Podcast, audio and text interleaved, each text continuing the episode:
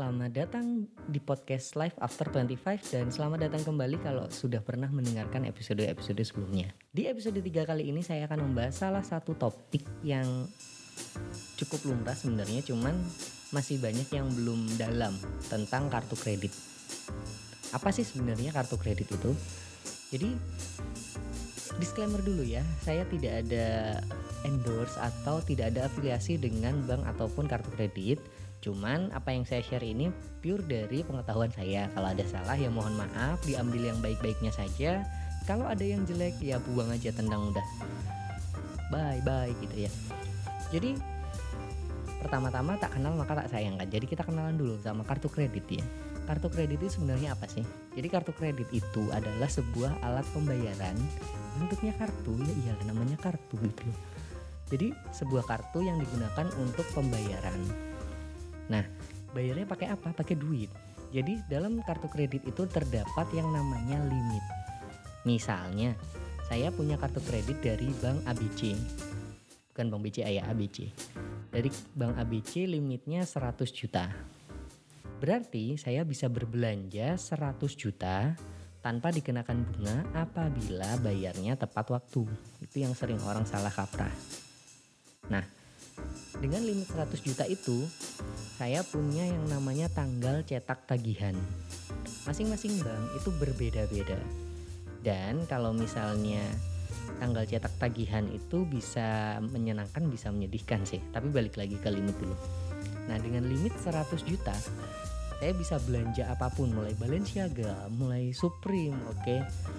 Tapi itu jadi kayak ilusi punya duit padahal enggak. Seremnya itu jadi misalnya saya punya limit 100 juta oh saya bisa belanja ini ini ini ini tapi bulan depan kita harus bayar itu dong Oke, okay, sampai sini masih satu frekuensi ya kita.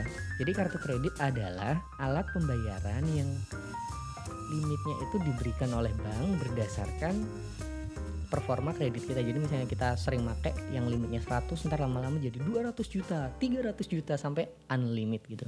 Nah, sekarang kalau sudah limit nih. Sebenarnya kenapa sih orang butuh kartu kredit? Gitu. Satu, kartu kredit itu gampang banget. Misalnya kita mau belanja di luar negeri, belanja di online shop. Karena begitu kita pakai kartu kredit itu langsung ada diskon lah, langsung terverifikasi, instan, terus kalau kita bisa makainya kartu kredit itu jatuhnya hemat.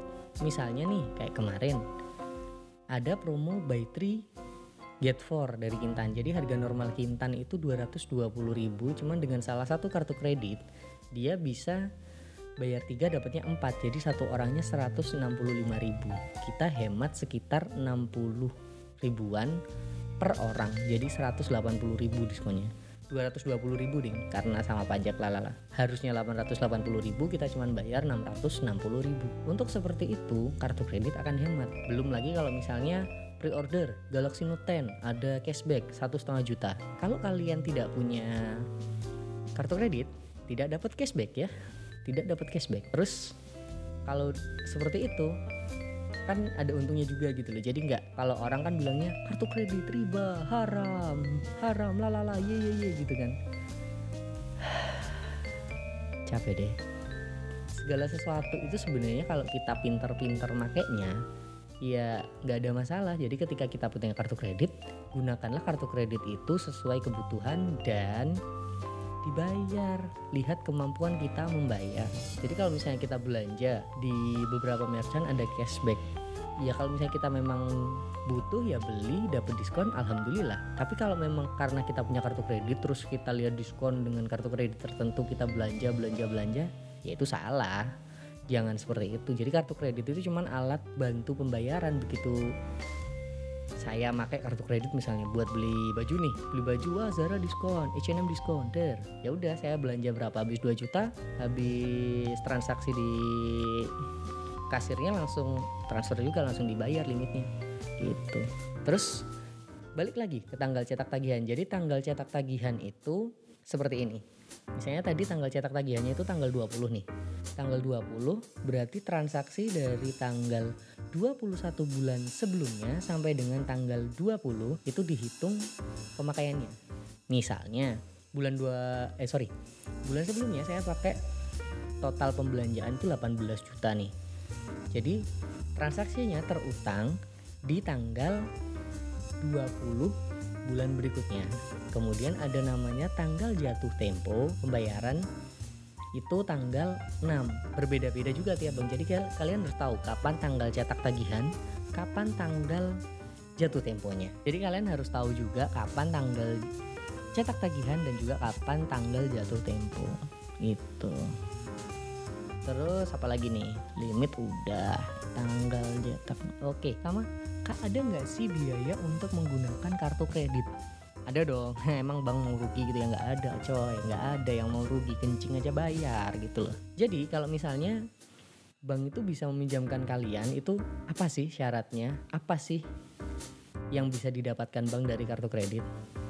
Yang pertama-tama untuk apply kartu kredit itu biasanya ada syarat tertentu. Misalnya, saya apply BNI Garuda, minimum penghasilan 10 juta. Terus pegawai tetap punya ini ini ini ini lalala dan syarat-syarat yang mengikuti. Masing-masing kartu kredit memiliki persyaratan yang berbeda-beda.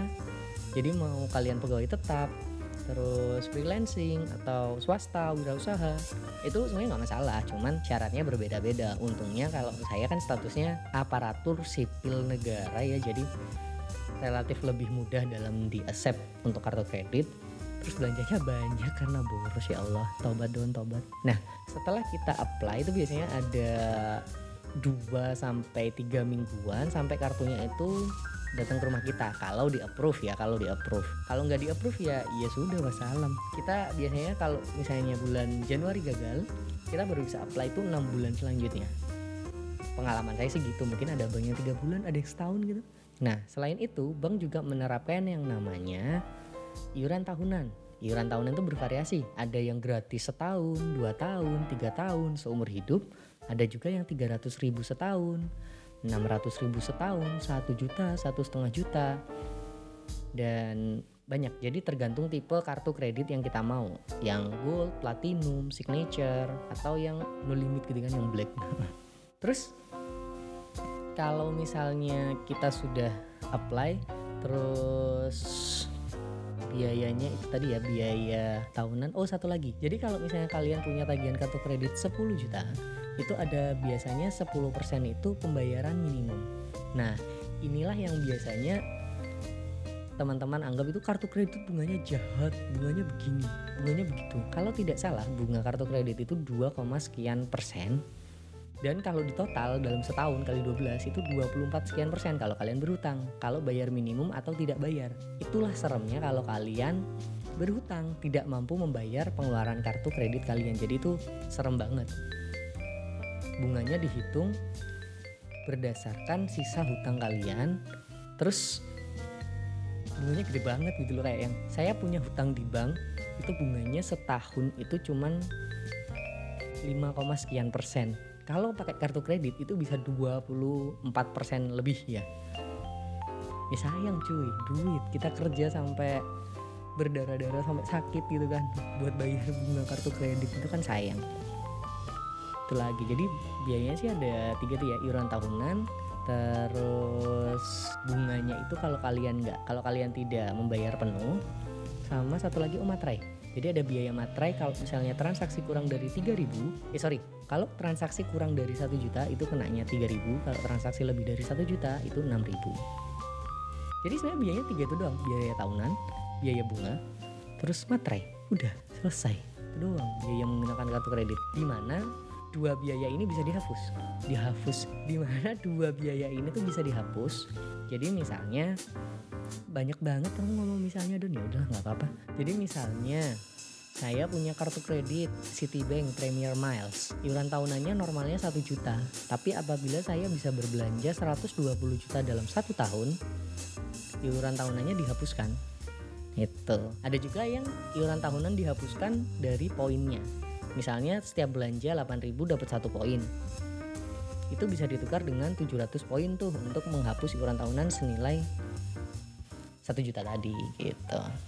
Apa itu udah, biaya-biaya udah, terus keuntungannya sekarang keuntungannya kenapa sih kita perlu kartu kredit jadi selain tadi yang sudah saya singgung sedikit tentang diskon dan cashback. Benefit lain dari kartu kredit itu buat ngumpulin yang nama poin atau miles. Jadi, kalau misalnya kalian suka terbang jalan-jalan gitu kan kayak di Traveloka ada Traveloka poin tiket.com ada tiket poin nah bank juga punya namanya poin gitu ya sebut aja poin masing-masing bank berbeda tentang nilainya ada yang misalnya mega saya itu 7500 apa ya jadi tiap belanja 7500 tuh dapat satu poin.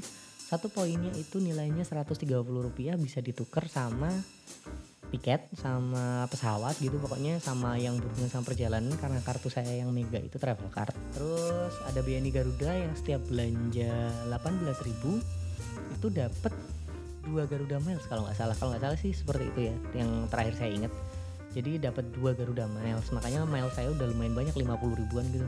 Terus kalau mandiri itu ada Fiesta Point. Cuman mandiri yang paling pelit sih untuk currency currency-nya gitu. Dapetinnya susah nilainya gede banget. Debitnya 100 ribu terus transaksi satu kali transaksi kita dapat 10 doang.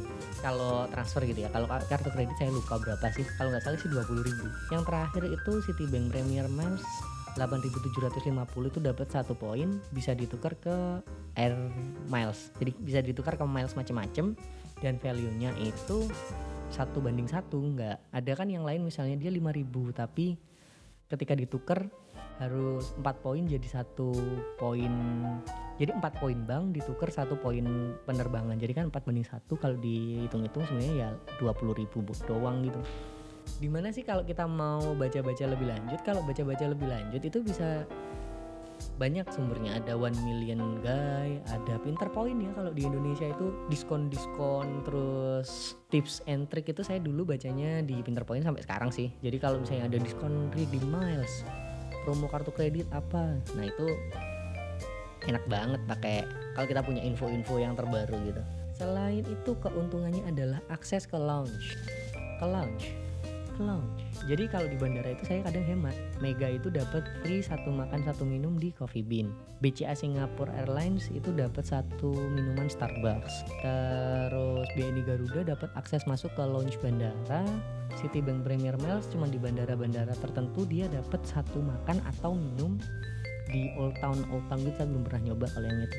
Itu sebenarnya kan hemat gitu. Jadi katakanlah saya makan di Coffee Bean satu makan satu minum tuh 100 ribu. Iuran tahunannya satu juta. Saya kalau misalnya sering berjalan-jalan tuh terus apalagi kalau bisa di wave ya dihapuskan iuran tahunan kan hemat banget gitu loh. Itu jadi gunakanlah segala sesuatu dengan bijak dengan hemat dan pergunakan segala sesuatu itu sebaik mungkin.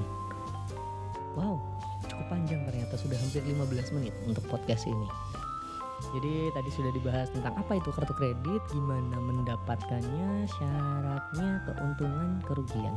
Sepertinya itu dulu ya yang dibahas di podcast kali ini. Kalau misalnya ada pertanyaan, feel free to chat me up at Instagram at Doni underscore Darwin atau di Twitter at RARW ARW1ND ARW1ND gitu ya. Terima kasih sudah mendengarkan podcast Life After 25. Gunakan kartu kredit dengan bijak, belanja dengan bijak, jangan lupa investasi, nabung, tapi jangan lupa untuk menikmati hidup. See you on the next episode. Bye and be happy always. Thank you guys.